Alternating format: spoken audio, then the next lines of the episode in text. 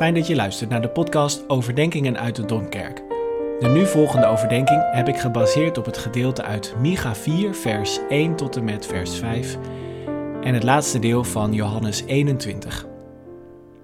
De Utrechtse historicus René de Kam vertelt het verhaal van een laat-middeleeuws beeldhouwwerk van twee vechtende mannen.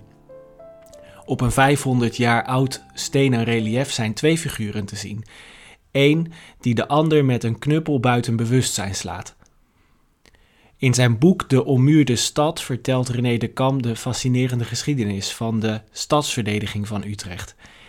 En daarbij is hij niet alleen geïnteresseerd in de bolwerken en in de torens en in de poorten of de muren. Hij wil ook weten waarom die zo noodzakelijk werden gevonden. De strijd van mens tegen mens was al die lange eeuwen de aanleiding om zich te wapenen en met steeds weer geavanceerdere middelen probeerden de bewoners van de stad om het geweld buiten te sluiten. Maar de Kam maakt pijnlijk inzichtelijk hoe dat geweld ook haar weg wel vindt binnen de ommuurde stad. Als er wantrouwen en tegenstrijdige belangen aanwezig zijn, dan vinden er altijd weer gevechten plaats. Midden in de versterkte bisschoppelijke burcht bijvoorbeeld, rondom de huidige domkerk midden op de straten voor het middeleeuwse stadhuis, waar je ook nu nog het stadhuis kunt vinden.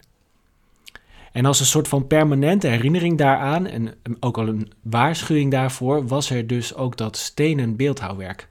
Het was bevestigd aan de noordwestmuur van de domkerk en niemand die er langs liep kon het nog missen. De afgebeelde figuren waren Kain en Abel. Hoe kon het eigenlijk ook anders? De eerste menselijke moord Zelfs een van de eerste verhalen uit de Bijbel, dat toonde wel hoe weerloos een mens is tegen een gewapende ander. René de Kam vertelt een bij tijd en wijle adembenemende geschiedenis van de strijd in en rondom Utrecht. Als een eeuwenlang onmiskenbaar teken daarvan waren er die stadsmuren. Het was halverwege de 17e eeuw de Britse politieke filosoof Thomas Hobbes die de permanente gewelddadigheid van mensen zelfs tot hoeksteen van zijn denken maakte. De mens is voor een ander mens een wolf, zo omschreef Hobbes het puntig. Hij vond dat overigens niet zelf uit, maar hij kon het zo van een klassieke schrijver overnemen. En het had in al die eeuwen dus nog maar weinig aan waarheid ingeboet. Misschien nog sterker gezegd, en René de Kam laat dat ook op heel veel manieren zien. De mens wordt alleen maar inventiever in de manier waarop hij een ander bestrijdt. De geschiedenis van oorlog is er een van technologische verfijning, maar in de meeste opzichten van morele stilstand of zelfs achteruitgang. Eén flinke hedendaagse bom, dat zou genoeg zijn om die hele middeleeuwse ommuurde stad Utrecht in het stof te leggen.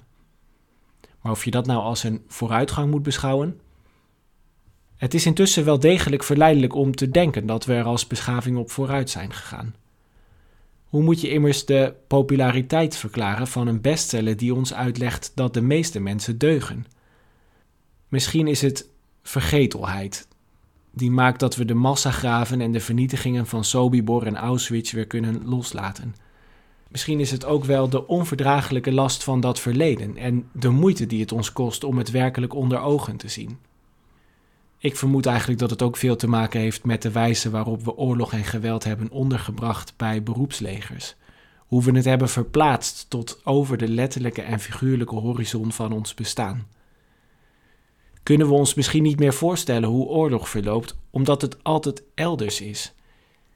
En omdat we het ook zo onpersoonlijk en onlichamelijk hebben gemaakt met drones en lange afstandsraketten? Intussen hebben onze steden en onze samenleving in veel opzichten nog altijd het karakter van ommuurde gemeenschappen, gated communities. Deze weken was opnieuw veel aandacht voor het individuele geval van een vluchtelingengezin, de 13-jarige Jacob en zijn moeder Tina uit Syrië. Na een met geen pen te beschrijven en jarenlange juridische strijd, heeft het gezin dan nu toch een verblijfsvergunning gekregen. Hun vele lotgenoten trekken in vergelijkbare zaken vaak aan het kortste eind, of ze zijn al onderweg op de Middellandse Zee verdronken. Het leidt tot de cynische vaststelling dat onze 21ste eeuwse wetten vaak de moderne gedaante zijn van een metersdikke bakstenen muur. En zijn wij dan, de inwoners van die onmuurde samenlevingen, echt vrij? Kunnen wij veilig leven? De middeleeuwse ironie zet zich ook in dat opzicht onverkort naar het heden door. Je kan nog zo'n hoog hek om je samenleving bouwen, maar als wantrouwen en onderlinge verdeeldheid in het hart wonen, dan ben je toch niet veilig. En een microscopisch klein virus trekt zich natuurlijk al helemaal niets aan van grensbewaking en wettelijke beperkingen. Het toont ook in de 21ste eeuw wel hoe onverminderd kwetsbaar een mens in feite is in het contact met anderen. Het staat allemaal niet zo ver af van Petrus. Jezus' leerling heeft in de olijventuin, waar Jezus werd gearresteerd, het zwaard getrokken. Om zijn meester te verdedigen was Petrus bereid om geweld te gebruiken. Waarom had hij überhaupt een zwaard bij zich? Wat dacht hij daarmee te gaan doen? Ik geloof dat het een pijnlijke illustratie is van de middelen waarmee we bereid zijn om te verdedigen wat ons heilig en dierbaar is. Onze levenswijze, onze geliefden, onze principes, ons geloof. Die muur wordt door Jezus meteen neergehaald. Doe je zwaard terug. Zou ik de beker niet drinken die de Vader mij heeft gegeven? Maar Petrus' defensie is niet zomaar afgebroken, niet helemaal tenminste. In de volgende adem horen we hoe hij Jezus tot wel drie keer toe verraadt. Hij distancieert zich en hij kiest een andere partij. Jezus daarentegen toont tot aan het einde toe wat het is om je niet te verdedigen, om niet terug te slaan. Wat hij ook voor recht had om te spreken, hij maakt er geen gebruik van. En dan spreekt Jezus zijn leerling weer, na Pasen. Een indringend, confronterend gesprek. Maar het is ook een volkomen ongewapend gesprek, een ontwapenend gesprek. Petrus ondervindt wat alleen de liefde kan doen. Jezus is verraden, maar hij slaat niet terug.